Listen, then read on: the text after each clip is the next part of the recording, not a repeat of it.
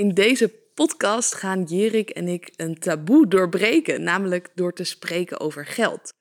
We gaan het niet zozeer inhoudelijk hebben over geld, of je nu moet sparen of beleggen, of een huis moet kopen of huren. Maar we gaan het hebben over de mindset ten opzichte van geld, je money mindset. Hoe ontstaat deze money mindset nou precies? Ik ga wat meer delen over mijn relatie met geld en hoe deze vanuit mijn jeugd en vanuit mijn opvoeding is ontstaan. En Jerik gaat dat natuurlijk ook doen. Welke dingen werken er goed en welke dingen werken er juist tegen je? En hoe kan je nou de dingen die tegen je werken omvormen naar een werkbare overtuiging? Ofwel, hoe kan jij je relatie met geld verbeteren en je mindset ten opzichte van geld? Wil je daar nu meer over weten? Luister dan zeker deze podcast. Top. Zin in. Yes. Nou, we gaan het Waarvoor? vandaag hebben over money mindset dus. Wat, wat is money mindset? Money mindset. Ja, de manier hoe jij over geld denkt. En ja, de overtuigingen die je hebt meegekregen van, van je ouders, je omgeving. En, en die hebben, ja, het verleden heeft bepaald hoe jij nu met geld omgaat. Goed of, of, of- of slecht. En ja, waar jij je geld aan besteedt of waar je investeert. Want ik zeg altijd, ik geef mijn geld nooit uit, ik investeer het. Ja, geef je nooit zomaar geld uit? Niet meer. Ik heb natuurlijk wel, ik ben jong geweest. Eh, en dat is bij mannen natuurlijk anders dan bij vrouwen. Eh, ik, heb, ik heb van die dure horloges gehad. Ik heb dure oh, sportwagens gereden. Ehm, ik, ik, ik heb ja, natuurlijk eh, eh, te chique etentjes gehad. Waar, waar, waar je voor twee personen 250 euro kwijt bent. Eh, ja, ik, ik, eh, sieraden, ketting, eh, eh, ri- gouden ringen, zegelringen. Eh, al dat soort dingen, daar gaf ik mijn geld aan uit. Dure kleding ook, dat ik denk van, hoe kun je nou voor 700 euro een broek en een blouse eh, kopen? Dat denk ik. Nee, als ik daarop terug weet, denk ik van ja, dat was echt geldverspilling. En, en op een gegeven moment eh, heb je een leeftijd bereikt en een periode dat je dat inziet. Dat je denkt van, hé, maar je kunt ook gewoon, voor 50 euro kun je ook lekker eten. En voor eh 80 euro heb je ook een leuke broek en een blouse. Dus ga je anders, eh, ja, ben ik minder materialistisch gaan denken en ben ik daar ook minder waarde aan gaan hechten. En, en nu investeer ik het geld echt in, in goede dingen. Ja, precies. En je zei inderdaad van, nou ja, je money mindset die hebben we allemaal, want het zijn bepaalde overtuigingen die Ja. we hebben meegekregen, Ja. bepaalde dingen die we hebben meegemaakt. Wat zijn bij jou een aantal impactvolle gebeurtenissen rondom geld die nou ja, zijn voorgevallen, die ook vandaag de dag nog invloed op je hebben, zowel positief als negatief? Ja, ja. Ik, ik ga be- beginnen met het positieve. Ik, heb van mijn vader echt geleerd om af te dingen. Dan, dan, daar kan ik heel kort over zijn, maar ik vind het wel leuk om, om daar een verhaal eh, aan vast te knopen. Want de eerste keer dat ik dat meemaakte, was dat mijn vader een nieuwe televisie ging kopen in, eh, in zo'n eh, witgoedzaak. En nou, die sprak met de verkoper. En, nou, mijn, va- mijn vader heeft een bepaald charisma, dus die heeft een gunfactor. Die, die had een klik. En op een gegeven moment nou, had een keuze gemaakt. Ik stond daarbij. En op een gegeven moment zei hij van, kan er nog wat af? En die verkoper die werd een beetje zenuwachtig. En hij, hij zei, hoe bedoelt u? Nou, gewoon, ja, dat is de prijs. Maar k- kan een korting krijgen of, nou, of iets in die geest. En ik stond daarbij. Ik, denk, ik vond het heel raar. Want ik denk, hé, hey, dat is toch gewoon de prijs? En toen zei de verkoper, eh, nou, ik kan er, ik weet niet meer wat. Maar hij deed er wat van af. En toen liep ik met mijn vader de zaak uit. Ik zeg, wat deed jij nou? Want ik was echt, ik was heel jong. Mijn vader zei, jongen, knoop dit goed in je oren. Je kunt overal, waar jij wat koopt, kun jij het voor een, een lagere prijs meekrijgen. Dus hè, de verkoper die wilde wat aan verdienen, de, de, de winkel. Maar ik heb ook een bepaald budget. Hij zei, dus je moet altijd afdingen. Dat heb ik zo van hem geleerd. Dus ik doe dat altijd. Het hele huis waarin we nu wonen, alles, daar is wel wat van de prijs afgegaan. En dat heeft ons heel veel geld eh, bespaard. En mijn vriendin die is daar wat, ja, die is daar gewoon niet goed in. Die wordt dan heel onzeker. Die gaat dan Mensen worden zelf Zeg maar, even weg. afdingen. Ik vind, ik vind het sport. Ja, dus, en ik vind het leuk, want ik zit natuurlijk in de sales, dus ik ouwehoer heel makkelijk. En op de een of andere manier krijg ik het ook in heel korte tijd voor, voor elkaar. Dus dat heb ik echt van mijn vader.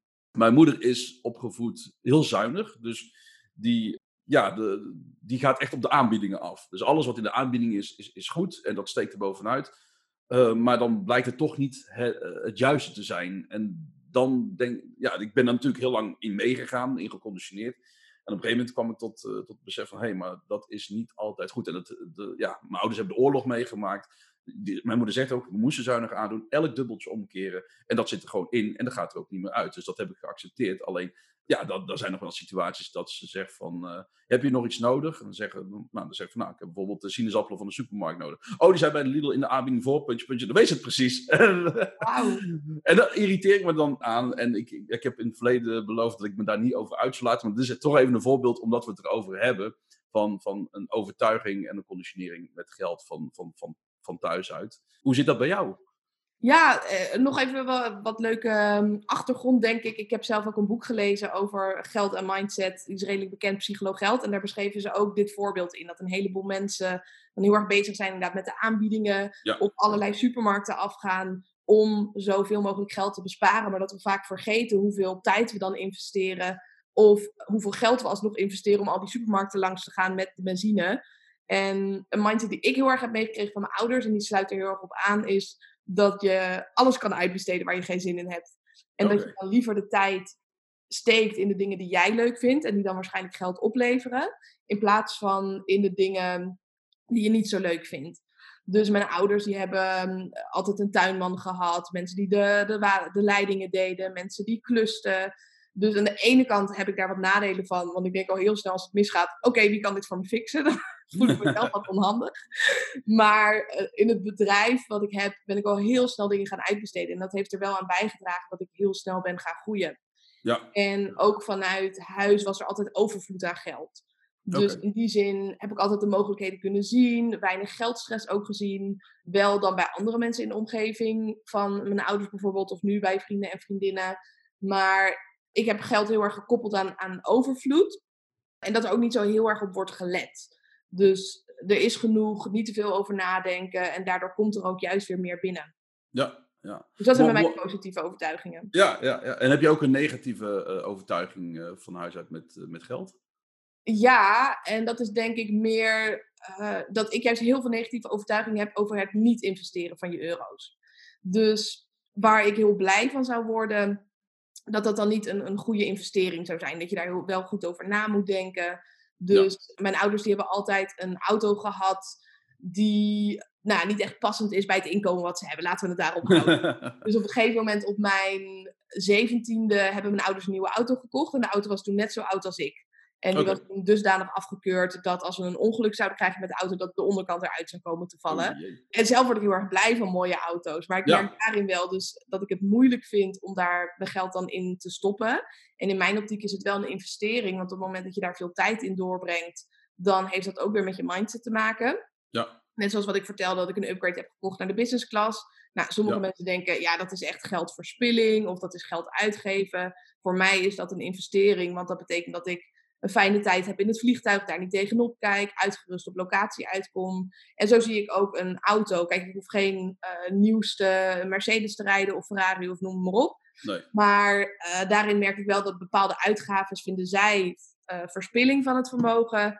En zou ik daar anders tegenaan kijken, rationeel gezien, maar gevoelsmatig vanwege die overtuiging dat je het toch niet doet. Ja. Of anderzijds denk ik ook dat bepaalde positieve overtuigingen je weer tegen kunnen werken. Dus omdat er zo weinig op geld wordt gelet, dat ik mezelf echt heb moeten trainen op die financiële discipline.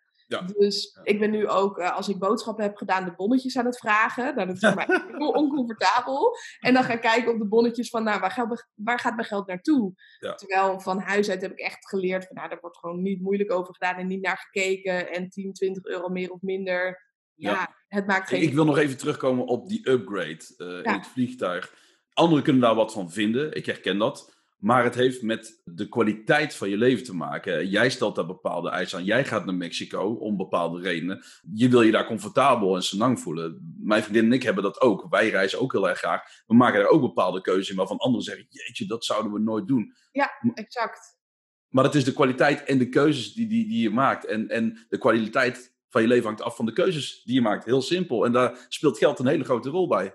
Ja, en wat is je standaard? Wat ja, tolereer je nog daarin? Ga je zelf ja, ik, ik zie het opgepropt achterin zitten. Volgens mij wordt niemand daar heel erg happy van.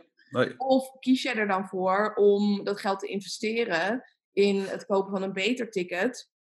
En aan de andere kant, als ik dan op reis ben, dan slaap ik ook wel eens in een hostel. Dus op een gegeven moment ja. iemand bij het reizen die zei, huh, Isabel, je, je hebt een eigen bedrijf. Je vertelde dat je business class hier naartoe bent gereisd, maar dan slaap je in hostels. Ik snap het niet helemaal. En dan legde ik ook wel uit van, nou ja, de reden dat ik hier slaap is niet vanwege het geld, maar omdat ik nieuwe mensen wil ontmoeten. En daarom neem ik een privékamer. Maar dat is niet dat ik het geld wil besparen en daarom hier ben, maar dat ik mensen zoals jij kan ontmoeten. Dus dat het ook weer gaat naar, net zoals bij het upgraden van uh, ticket, wat is de reden dat je het doet? Ja, dat is wel grappig. Dat vind ik wel mooi om daarop aan te sluiten. Wij gaan dus ook op reis. We gaan veel naar Azië. En dan heb je de keuze om in een heel luxe hotel te gaan. Wat we ook zeker doen. Maar ook bij de locals. En wij zijn heel erg oh, van de lokale. En dan slaap je echt bij mensen thuis. Je eet met die mensen, je wordt wakker met die mensen. Die mensen gaan s ochtends vroeg om zes uur voor jou naar de markt om, om, om lekker eten te, ko te kopen, rijsttafels te maken. En dan denk ik aan de ene kant, ja, superleuk dat ik het gedaan heb. Maar dit, dit kan ik geen paar dagen, omdat dat niet het, ritme is en, en, en de gewoontes. Maar je hebt het gezien. En daarna, eh, als we dan drie dagen, ja, soms is dat gewoon, gewoon even afzien, omdat je geen douche en geen bad uh, hebt. Um, en dan zeg ik tegen mijn vriend onderweg, als wij dan naar de grote stad weer gaan, ik zeg, zeg boek even gewoon even een goed hotel, dat we even gewoon in bad kunnen liggen met zwembad, et cetera. En die vrijheid die hebben we dan. En, en dan hoeven we niet te letten van, nou ja, 100 eh, euro is wel veel voor zo'n kamer. Nee, dat doen we dan gewoon.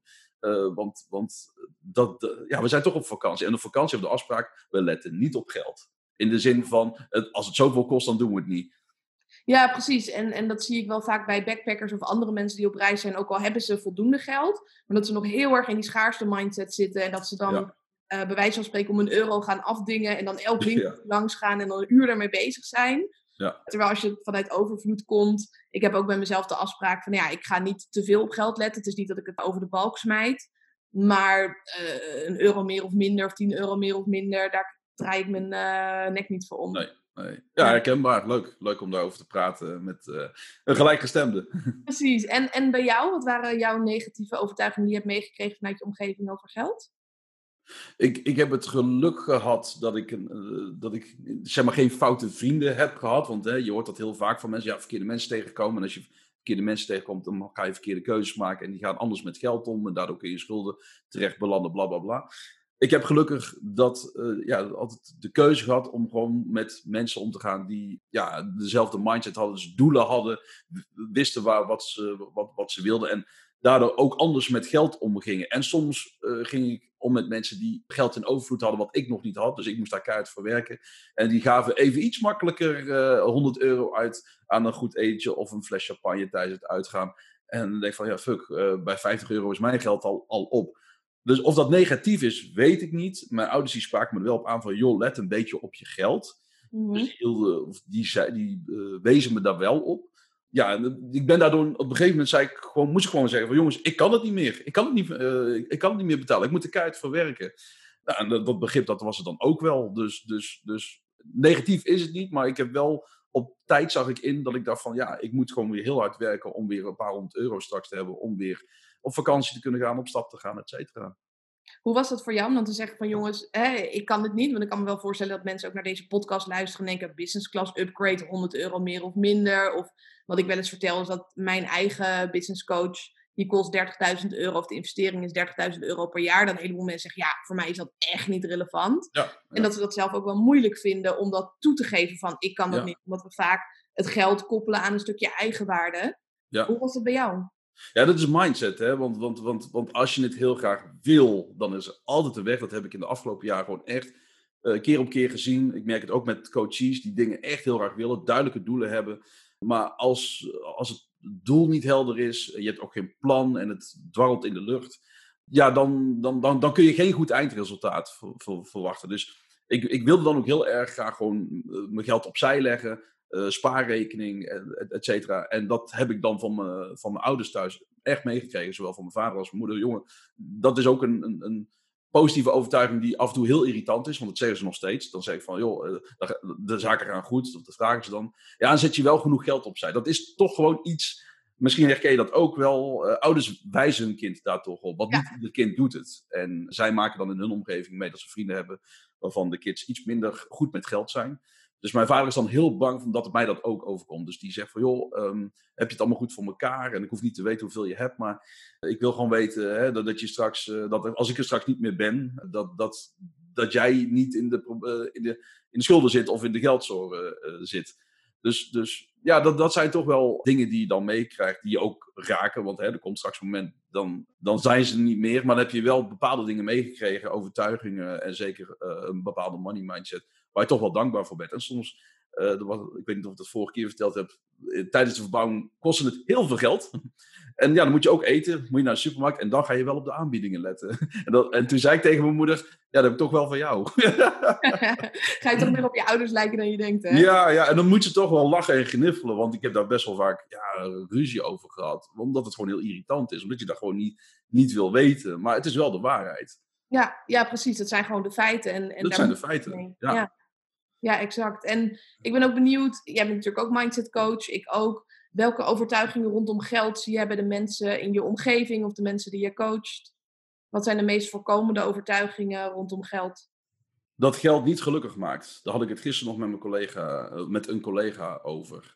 En ik zeg, dat is bullshit. Want, ja, ja. mensen die weinig geld hebben, denk ik. Ja, ik zeg, als, als, als, als de baas jou aan het eind van deze maand geen salaris zou betalen. En ik keek hem recht in de ogen aan. Ik zeg, ben je dan nog gelukkig? En hij zegt, ja, nee.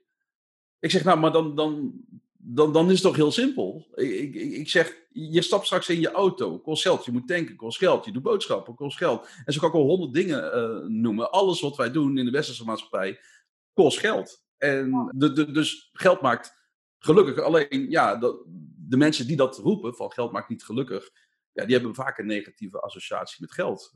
En, en dat heeft dan weer uit het verleden te maken, eh, of met het verleden te maken, met je overtuigingen. Dat ouders misschien in de schulden zaten, uh, of niet goed met geld om kunnen gaan. Ja, dat breng je over op je kind. En verwacht je dan van zo'n kind dat, dat hij wel goed om kan gaan met geld? Die kind die moet misschien een keuze maken. Een enkeling, die wordt daar dan daardoor succesvol. Maar heel veel ook niet. Vind, vind ik jammer, maar ik zie het heel vaak terug bij, bij mijn coaches. Precies, en als je de hele dag bezig bent met het bij elkaar sprokkelen van uh, alle euro's en restjes. En als je het vergelijkt met die piramide van Maslow, dan zit je in het onderste, het onderste gedeelte van de piramide. Ja. En dan kom je nooit bij je volledige potentie, dat je kan nadenken over de dingen die echt belangrijk voor je zijn. Klopt. Hoe, hoe merk jij dat in jouw omgeving? Uh, en, of, en, en ook in het verleden? Hè? Want, want we praten over het vandaag en over het verleden. Ja, over bedoel je dan het stukje dat geld niet gelukkig maakt? Ja, of, of, of hoe zien mensen jou, uh, jouw omgeving, hoe zien die geld? Hoe gaan die met geld om? Ze praten er in ieder geval heel erg veel over en ze zien het ook als een stukje wat aan hun eigenwaarde is gekoppeld. Dus als mensen een bepaalde investering wel of niet kunnen doen uit zichzelf, dan vinden ze dat hoe leg je dat precies uit? Stel bijvoorbeeld iemand die, die komt bij mij en die wil met mij aan de slag. En die moeten daar een bepaalde investering voor betalen. Ze hebben dat geld niet op hun rekening staan. Dan gaan we kijken naar de mogelijkheden. Maar die mogelijkheden die zijn zo spannend omdat ze allemaal verhalen hebben draaien over geld. Ja. Zoals het is niet oké om schulden te hebben. Nou ja, het Nederlandse woord voor schuld. Hè, in, in, het, uh, in het Engels gebruiken ze daar andere woorden voor of in Amerika. Maar schuld letterlijk betekent dus dat jij als persoon iets hebt gedaan wat niet goed is. Je hebt in de psychologie schaamte en schuld. Bij schaamte heb je iets gedaan wat niet zo goed is. En bij schuld is het bij jou als persoon niet goed genoeg. Ja, nou, Die koppelingen hebben wij over geld. Dus dat maakt het voor mensen lastig om bijvoorbeeld als ze studeren geld van de overheid te lenen. Of geld van hun ouders te lenen. Of vinden ze het ook spannend om te vragen of ze het bij mij in termijnen bijvoorbeeld mogen doen. Ja. Dus die koppelingen met geld en eigenwaarde, die zie ik heel veel voorbij komen. Maar ook wat ik vaak zie, is dat mensen zeggen: geld is niet belangrijk. Of het niet direct zeggen, maar wel het laten zien aan hun acties. Dus ja. ze letten niet op hun geld. Ze blijven weg bij mensen die veel geld verdienen. Of ze hebben hele negatieve associaties met mensen die veel geld verdienen. Dat zijn de mensen die in, in te dure auto's rijden, die smijten het over de balk, die denken alleen maar aan zichzelf. Ze verdienen veel geld, nou dat zal vast niet op een goede manier zijn. Ja. Ja. En ik weet ook nog... Aannames doen, hè? Aannames doen. Ja, ja, ja, Ik weet nog wel, mijn moeder is toen twee jaar geleden overleden en toen kreeg ik een deel van de erfenis. En toen mijn vader de erfenis naar mij overmaakte, toen zei hij ook tegen mij: uh, Als je er maar geen rode sportwagen van gaat kopen. Dus mensen hebben toch het idee dat op het moment dat je meer geld gaat verdienen, dat je dat ook aan onzinnige dingen gaat uitgeven. Dus dat ze daarom denk ik ook de overtuiging hebben van, nou, ik hoef niet zoveel te verdienen, want ik heb het niet nodig. En aan de andere kant, Ilko de Boer heeft daar een heel leuk onderzoekje over gedaan bij zijn uh, maillijst. Dat hij zei, nou ja, welke struggles heb je? En stel dat jij twee keer zoveel zou verdienen. Hoeveel van deze struggles zouden er niet meer zijn? En dat zo'n 70 à 80 procent van onze struggles kan worden opgelost als we meer geld hebben. En dat betekent natuurlijk niet dat het allemaal wordt opgelost, maar dat het wel dingen makkelijker gaat maken. En er zit wel een limiet aan. Dus als jij twee keer modaal verdient en je gaat naar vier keer modaal, ja, dat gaat niet zo heel veel impact maken. Maar als Ja. jij elke dag je zorgen maakt of jij wel of niet rekeningen kan betalen en ineens vallen die zorgen weg, ja, Ja, dat gaat een verschil maken voor je leven. Ik wil niet zeggen dat het is meteen fantastisch, want waar ga je dan aan denken? precies. Maar het, het gaat zeker wel een impact maken. Ja, ja, ja, zeker. Mooi. Ik, eh, mo- mooi onderwerp, geld. Ja, en, en je zei al eerder in de podcast van ja, in het begin gaf ik heel veel geld uit en uiteindelijk ben ik meer gaan investeren. Hoe Ja. is die omschakeling voor jou geweest? Hoe heb je die gemaakt? Ik denk doordat ik eh, de, toen de tijd, een paar jaar geleden, begonnen ben met de podcast van Michael Pilagic eh, te luisteren. Dat, dat, dat heeft me echt aan het denken gezet. En hij heeft ook een, een podcastaflevering, gaat over money mindset. En dat heeft me echt aan het denken gezet van, hè, waar, waar geef je je geld aan uit? Waar investeer je het in? Eh, nou, ik ben tien jaar geleden eigenlijk al begonnen met het verdienen, verdienen van een passief inkomen. Eigenlijk heel onbewust, omdat ik toen werkloos raakte. Dus ik denk, ja, ik moet, ik moet nu wel op de een of andere manier eh, zorgen dat er inkomsten binnenkomen. En dat consistent doorgezet. En dan merk je gewoon van, hé, hey, dat bouwt op, dat bouwt op, jaar na jaar na jaar. Dus eigenlijk al tien jaar geleden, maar toen een beetje min of meer onbewust. En, en ik denk drie, drie jaar geleden dat ik daar echt heel bewust mee, mee ging beginnen. Dat ik denk van, dat ik, als jij een willekeurig iemand op straat vraagt, of willekeurig aan je vrienden van, wat, komt eh, wat, wat verdien jij exact per maand? Dat wordt nooit Oeh, gevraagd Dat is bijna in Nederland. Dat is heel gevoelig. hoe oud ze zijn of wat ze wegen. Ja, ja. Maar dan weten ze tot op de cent nauwkeurig. En, en toen dacht ik van, laat ik dat nou eens zelf gaan bekijken. Hoeveel ik eh, bij, bij, mijn, bij mijn baas binnenkomt. En, en hoeveel ik uitgeef eh, aan eh, vaste lasten. Niemand, weinig mensen die daar exact inzicht in, in krijgen. En toen ben ik dat dus op gaan tellen. Ik hou het dus nu ook per maand bij. Wat er inkomt, wat er uitgaat. En eh, ja, heel, de regel is heel simpel. Ook van thuis heb meegekregen. Geef nooit meer uit dan dat er binnenkomt. Dat is toch logisch? Want anders sta je het rood. Dus en, en dat, dat is de overtuiging van mezelf. Ik wilde nooit in de rode cijfers terechtkomen. Want dan, ja, dan was het niet goed. En natuurlijk heb je een hypotheek. En, en, voor en, schuld natuurlijk. ja, maar dat is, toch, dat is toch andere schuld. Dat heb ik dan weer van mijn zusje mee eh, gekregen, want die is al acht keer verhuisd eh, inmiddels in het leven. Dus ze zegt van, hé, ik weet wel hoe dat voelt. Eh, dus die heeft me daar van die angst en onzekerheid afgeholpen. Want ik kwam van een, eh, van een huurhuis 13 jaar lang naar een koopwoning. Dat is toch anders. Alleen, ja, ze zegt van, er is geen angst, want het is gewoon geld wat gewoon maandelijks van je rekening afgaat. En over 30 jaar is het huis van jou.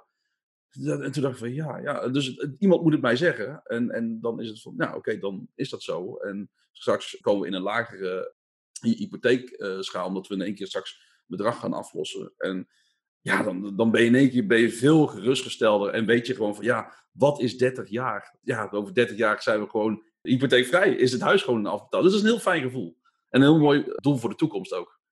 Ja, precies. En aan de andere kant, ik ben zelf ook bezig geweest met het kopen van een woning. Dat sommige mensen er heel erg haast bij hebben om zo snel mogelijk een hypotheek af te betalen. Maar uiteindelijk, in mijn optiek, je huis is gewoon een plek waar je bent. Ja. Hoeveel jouw huis nou waard is, maakt niet zo heel veel uit. Pas op het moment dat je gaat verhuizen, heeft dat een bepaalde impact. Precies. Dus of jij nou in 20, zo snel mogelijk je hypotheek wil afbetalen in 20 jaar of in 40 jaar, als je echt eh, subjectief naar de c- of cijfer, of objectief naar de, c- naar de cijfers gaat kijken, dan kan het ook juist voordeliger zijn om er langer over te doen. Want dat extra geld kan je dan weer investeren in andere dingen. Dus ik sprak laatst met een ondernemer en die had dan als doel om zijn huis in één keer cash af te kunnen tikken. Want die wilde geen leningen hebben, die wilde Ja. geen schulden hebben. En in mijn optiek is dat suboptimaal. Want als jij een lening hebt bij de bank, dan heb je een bepaald rentepercentage. Maar als jij je eigen geld weer goed investeert, heb je een beter percentage en hou je onderaan de streep meer over. Maar Ja. omdat we het dan zo spannend vinden om schulden te hebben, dat we, en dat is denk ik ook een stukje ego, er toch voor kiezen om Ja. het, het niet te lenen bij ofwel een bank of bij andere mensen. Ja, ja, ja. Maar eh, dan, dan, moet je, dan moet je advies vragen aan, mensen die er echt verstand van hebben. Dus mijn ouders die hebben meerdere huizen gekocht. Dus daar vraag je advies aan je schoonouders, eh, mensen in je omgeving en in de familie die daar ook verstand van hebben. Ik heb een oom en tante die daar ook heel veel verstand van hebben. Dus dan ga je omringen met, met dat soort mensen, verhalen.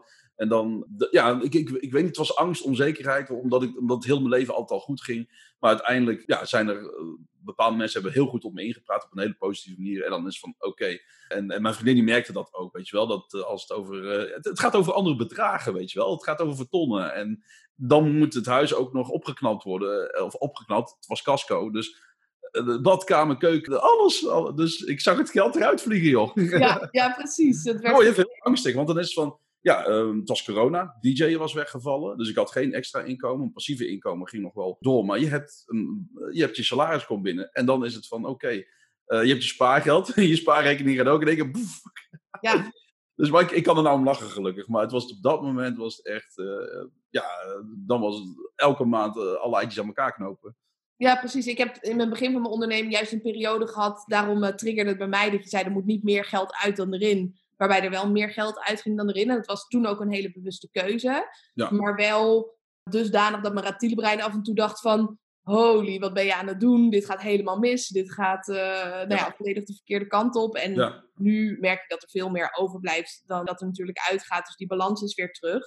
Maar ook wel herkenbaar dat je dan op het moment dat je dus uit die comfortzone komt, op de een of andere manier, dat die stemmetjes toch weer een rol spelen. Ook al ken je die stemmetjes wel, betekent niet meteen dat ze er dan niet meer zijn. ja. Ik, wil nog even terugkomen op of geld gelukkig maakt, ja of nee. En ik zei gisteren nog tegen die collega, geld maakt gelukkig als je het weet te waarderen. En ik zeg, heel veel mensen waarderen het niet. Die weten niet wat er binnenkomt, die geven het uit. Maar onbewust. En ik ben nu zo blij dat ik dat, dat, ik dat gewoon zo bewust ben. Van, eh, we hebben volgende maand eh, hebben we een weekendje Disneyland Parijs ge- geboekt. En, en, en dat is gewoon eh, heel bewust. Dus, dus, dus drie dagen kost een hoop geld. Maar ja, we kunnen, we kunnen helaas niet naar Amerika, anders waren we daar naartoe gaan. En dus keuzes maken. Dan is gewoon een andere, andere mindset. Dus gewoon, eh, doen we dat. Vanavond ga ik uit eten met mijn vader. Afspraak, vader en zoondag, één keer per jaar.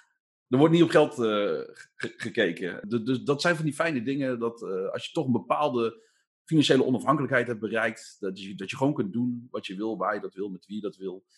Ik vind het heel prettig. Ja, en ik vind het wel mooi dat je zegt van ja, ik ga dan Disneyland Parijs en dan geef ik een hoop geld uit. En dat heb ik ook wel, dat als mensen bepaalde investeringen doen, dat we woorden eraan koppelen van hè, het is veel, of Ja. het is weinig, of het is goed, of slecht, of goedkoop, of, of, of duurkoop. Eh, de reden dat ik daarop wil inhaken is omdat ik weet dat een heleboel mensen dat doen en dat dit waarschijnlijk heel waardevol gaat zijn. is dat het allemaal afhankelijk is van de context. Dus stel Ja. dat ik mijn auto op marktplaats zou zetten voor 100 euro, dan zouden mensen denken, oh dat is super goedkoop. Dat, als dat kan ik zijn. de marktplaats zou zetten voor 100 euro, dan zouden mensen denken, wow, dat is echt super duur. Dus het is ook heel vaak weer afhankelijk van de context. En ik had van de week een gesprek met mijn vriend erover, over geld, over mensen die dan bijvoorbeeld 10 miljoen verdienen of 100 miljoen. Dat je hele perspectief anders is. En zo voelde ik me een beetje in Mexico. Mhm. Dat als ik daar een taxirit neem en de taxirit kost 2 euro, dat ik echt bijna, nou, dan heb ik het omgekeerd. Ik denk van, hoe kan dit weer zo goedkoop zijn? Dat kan bijna niet. Er moet wel iets niet kloppen. En om terug te komen op het waarderen van het geld, dat je dan ineens meer gaat waarderen hoeveel je hebt en ineens ziet ook hoe rijk je bent. En we denken heel vaak in schaarste van, oh, we hebben te weinig geld, geld is niet belangrijk, dat soort overtuigingen. En als je dan even in een andere omgeving komt en ziet hoe rijk je eigenlijk bent en hoeveel overvloed er is, Ja. dan ga je er toch anders weer tegenaan kijken. Heb jij dat gevoel in Mexico, eh, heel erg het gevoel, vaak het gevoel van dankbaarheid gehad? Eh, Ja, heel ja. veel. Maar ook wel Ja. schuldgevoel hoor. Ook, ook. Als je Ehm, alle zwervers aan de, aan de rand van de, van de weg ziet liggen en ik loop daar met mijn mobieltje, met mijn creditcard, dan denk ik ineens van wow, wat, wat een contrast. En dan wil je het bijna weggeven, maar dat heeft ook geen zin. Dat Nee. lost op de korte termijn het schuldgevoel op en eh, geeft ze even een goed gevoel. Lange termijn hebben ze er niet zo heel veel aan, maar dat contrast heb ik ook wel heel sterk gevoeld. Dus ik ben heel dankbaar voor wat ik allemaal heb.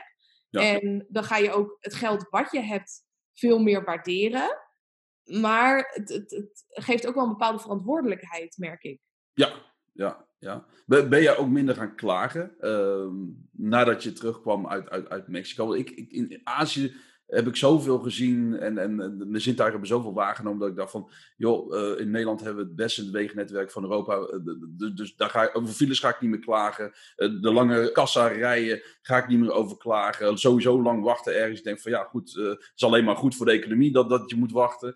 Dus ik ben daar niet meer over klaar. Hoe, ehm, het heeft even niks met geld te maken, maar ben ik even benieuwd naar. Ik denk het wel. En ik heb al op jongere leeftijd heel veel van de wereld gezien. Dus wat ik al vertelde, mijn ouders die vonden een eh, dure auto niet zo belangrijk. En dat geld staken ze liever in vakanties. Ja, Toen ik al een jaar of... eh, mijn eerste internationale reis was ik tien jaar, ging ik naar India. zo. En de eerste dag vroeg ik aan mijn moeder, mama, zijn ze hier aan de weg aan het werken? En toen zei ze, nee, zo zijn de wegen hier gewoon. Dus dan leer je al heel snel hoe het anders is in andere landen. En dat je het in Nederland veel meer mag waarderen wat je wel hebt. Ja. Dus het, ja, het klagen heb ik eigenlijk heel erg weinig gedaan in mijn leven, omdat ik zoveel keerzijdes heb gezien. En ik ben ook daarom blijven reizen om mezelf eraan te blijven herinneren van, het is niet vanzelfsprekend wat we allemaal in Nederland hebben. Nee, zeker niet. kan wel uit een, een boekje leren dat wij de zoveel procent rijkste mensen van de wereld zijn. Maar dat doet niet zo heel veel op het moment dat iedereen in je omgeving hetzelfde is. Totdat je dan ergens anders komt en dan ziet van, oh, deze mensen leven echt. In Mexico is het van 250 euro per maand.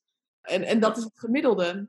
Ja, in Cuba, ik, ik, ik weet niet of je daar wel eens bent geweest, moeten, ze, moeten ze van 50 euro omgerekend per maand leven. Dan denk ik van, dat kan toch niet? Dat, dat doe ik één keer mijn boodschappen voor, weet je wel. Dus dan ga je ook heel anders boodschappen doen de eerste weken nadat je terug bent van Cuba. En denk je, 50 euro. Maar ja, iedereen is daar gelijk. Of je nou dokter bent of taxichauffeur. Mensen krijgen betaald vanuit de overheid. Iedereen krijgt hetzelfde salaris.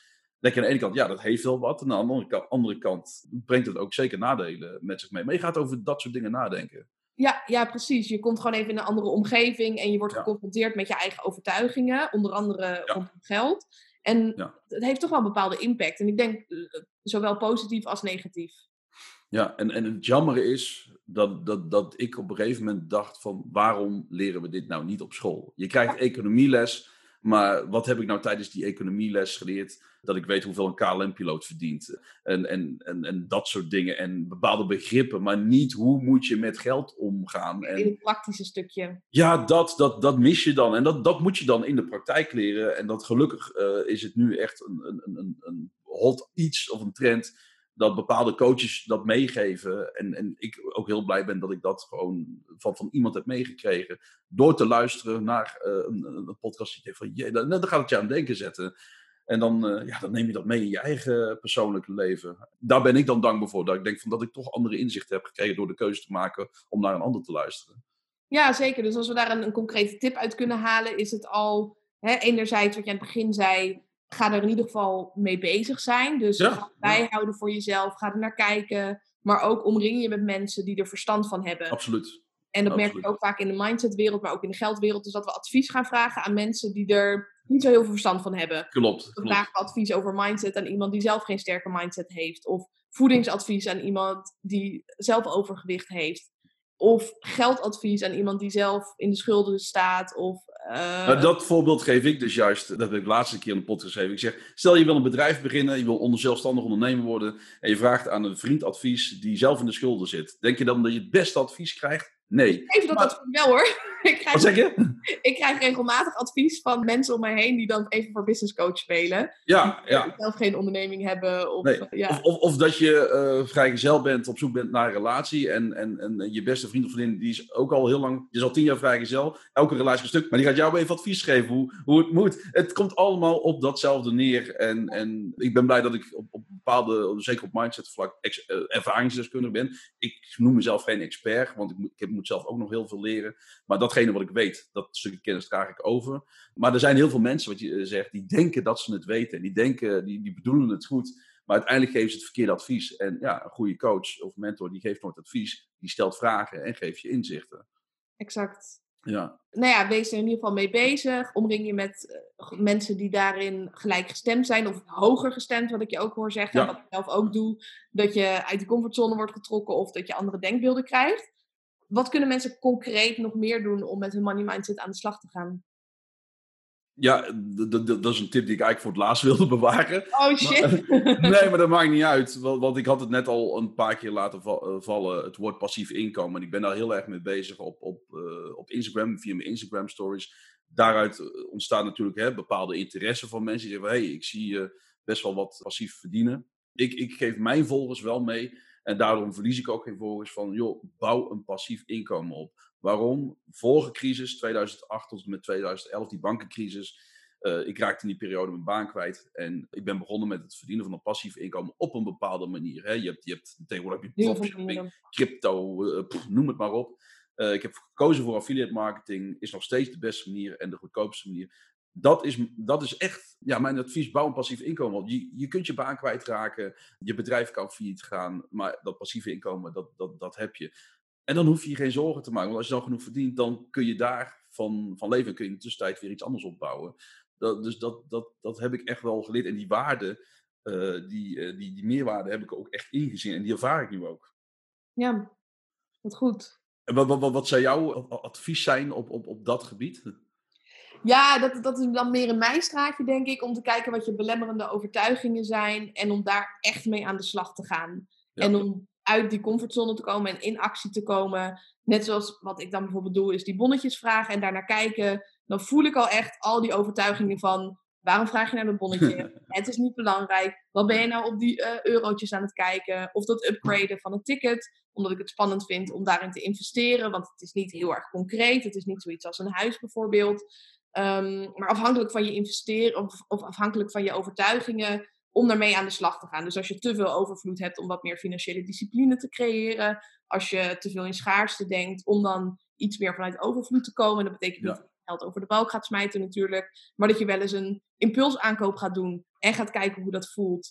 Of überhaupt er al over praten. Ik ben heel erg open over geld, dus ik heb een keer een interview gehad met de NRC waarin ik exact vertelde wat ik verdiende en uitgaf. En afgelopen maand heb ik weer met, met mijn huishoudboekje bij wijze van spreken in een blad gestaan.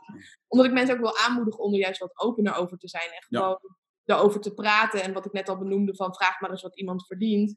Heel vaak willen ze dat ook niet vertellen. Ik was gisteren toevallig met een vriendin. En die was ook een beetje geheimzinnig aan het doen over hoeveel ze dan verdiende. En dat ze een schaal omhoog zou gaan en een paar honderd euro eh, meer zou gaan verdienen. Maar hoeveel dat echt concreet was, vertellen we heel vaak niet. En het, het grappige is, niemand kan verklaren hoe dat komt. Heb, jij, daar, heb jij daar een verklaring voor? Ja, ik denk dus vanwege dat stukje eigenwaarde en dat je dan jezelf gaat vergelijken. Net zoals met leeftijd, dat is ook super concreet, dat het op de een of andere manier hebben we bedacht dat hoe jonger, hoe beter. Of met geld, dat hoe meer je verdient, ook al vinden we rijke mensen, hebben bepaalde overtuigingen over, hoe meer, hoe beter. Of met gewicht, met kilo's, hoe, hoe minder, hoe beter. Ja. Ja. Onder vrouwen is dat meer een ding hoor. Dus ook al ben je langer, je kan het allemaal rationeel verklaren. Op de een of andere manier, als je minder kilo's hebt, dan lijkt de andere persoon te winnen. Dus ik denk dat we het daarom niet meetbaar willen maken, want dan kunnen we het ook niet vergelijken met elkaar. Ja, en dat is, in, in, in de menselijk brein speelde dan toch een, soort van competitie, hè?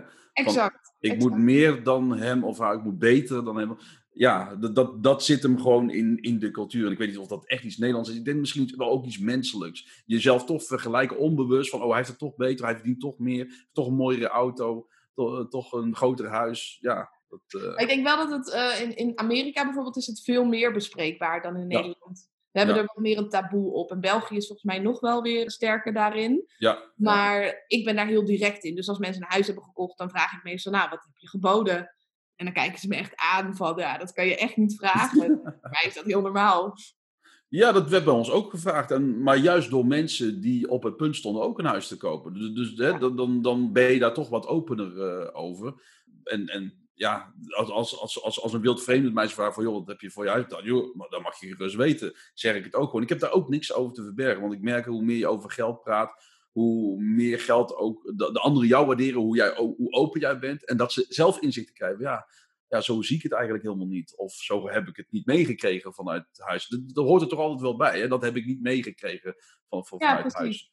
Dus ja, en ik denk ook rondom dat getal dat we allerlei verhalen draaiende hebben. Net zoals dat we dat hebben rondom gewicht of rondom leeftijd, maar ook rondom geld. En op het moment dat je die lading eraf haalt door het bespreekbaar te maken, dat dat ook wel heel veel gaat schelen.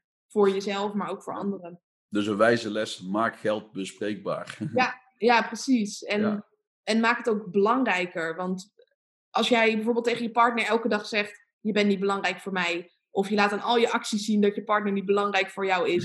Denk je dat je partner gaat blijven? Echt niet. nee, dat is met geld natuurlijk ook zo. Dat als je zegt, het is belangrijk voor mij en ik waardeer het en ik ben blij dat je er bent. Dan komt het ook weer terug. En het is misschien een beetje spiritueel.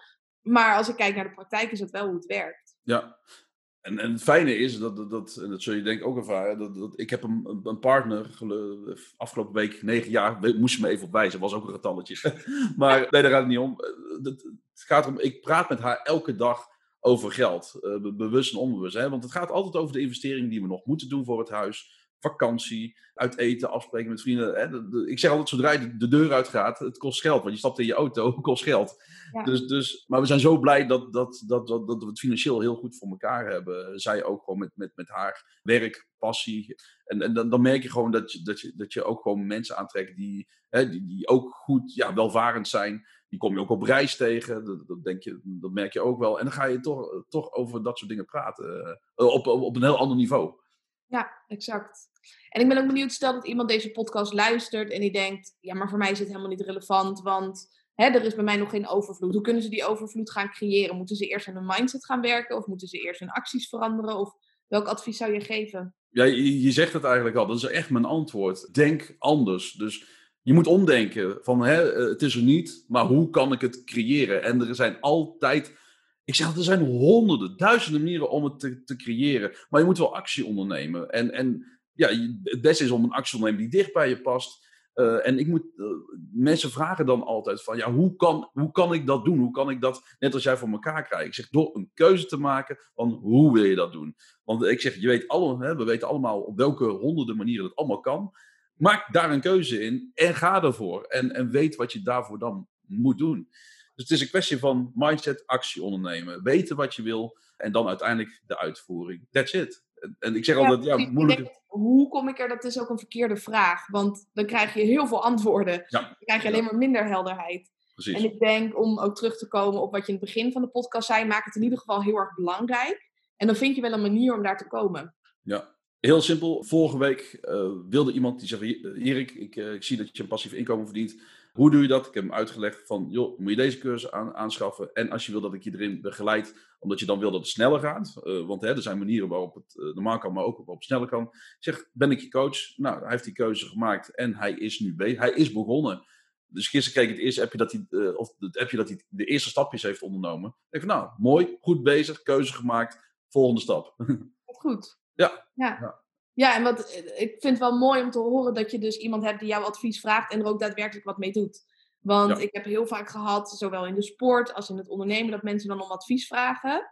En je geeft het advies, maar ze doen er eigenlijk niet zo heel veel mee. Ze zijn informatie aan het verzamelen en nog meer informatie aan het verzamelen, maar ze doen er nog te weinig mee. Ja, dat is ook met mijn e-book. Ehm, dat hebben we, hebben we het vorige keer ook over gehad. Het wordt heel veel gedownload. Ik heb ermee geadverteerd. Alleen, ik heb ook wel eens gevraagd aan mensen persoonlijk: uh, wat vond je ervan? Ja, ik heb het nog niet gelezen. Ja, waarom heb je het dan gedownload? En dat zei je de vorige keer ook, dat zoveel mensen het eh, gedownload hadden, maar niet gelezen hadden. Dan denk van, waarom, waarom download je het dan? ja, dat mensen het überhaupt niet downloaden, uh, of in ieder geval niet klikken op het linkje in de mail.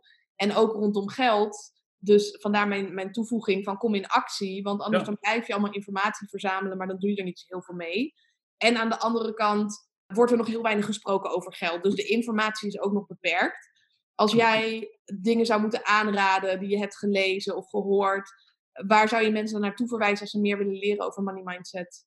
Ja, ik heb Master Mindset van Mike Pilarczyk uiteraard gelezen meerdere keren en Think and Grow Rich. Ik ben niet een hele erg lezer, dus ik lees niet heel graag. Alleen die boeken hebben me zo geïnspireerd. En, en Think and Grow Rich gaat niet alleen maar over geld, maar het gaat over die hele denkwijze en filosofie erachter. Dat weet je ook.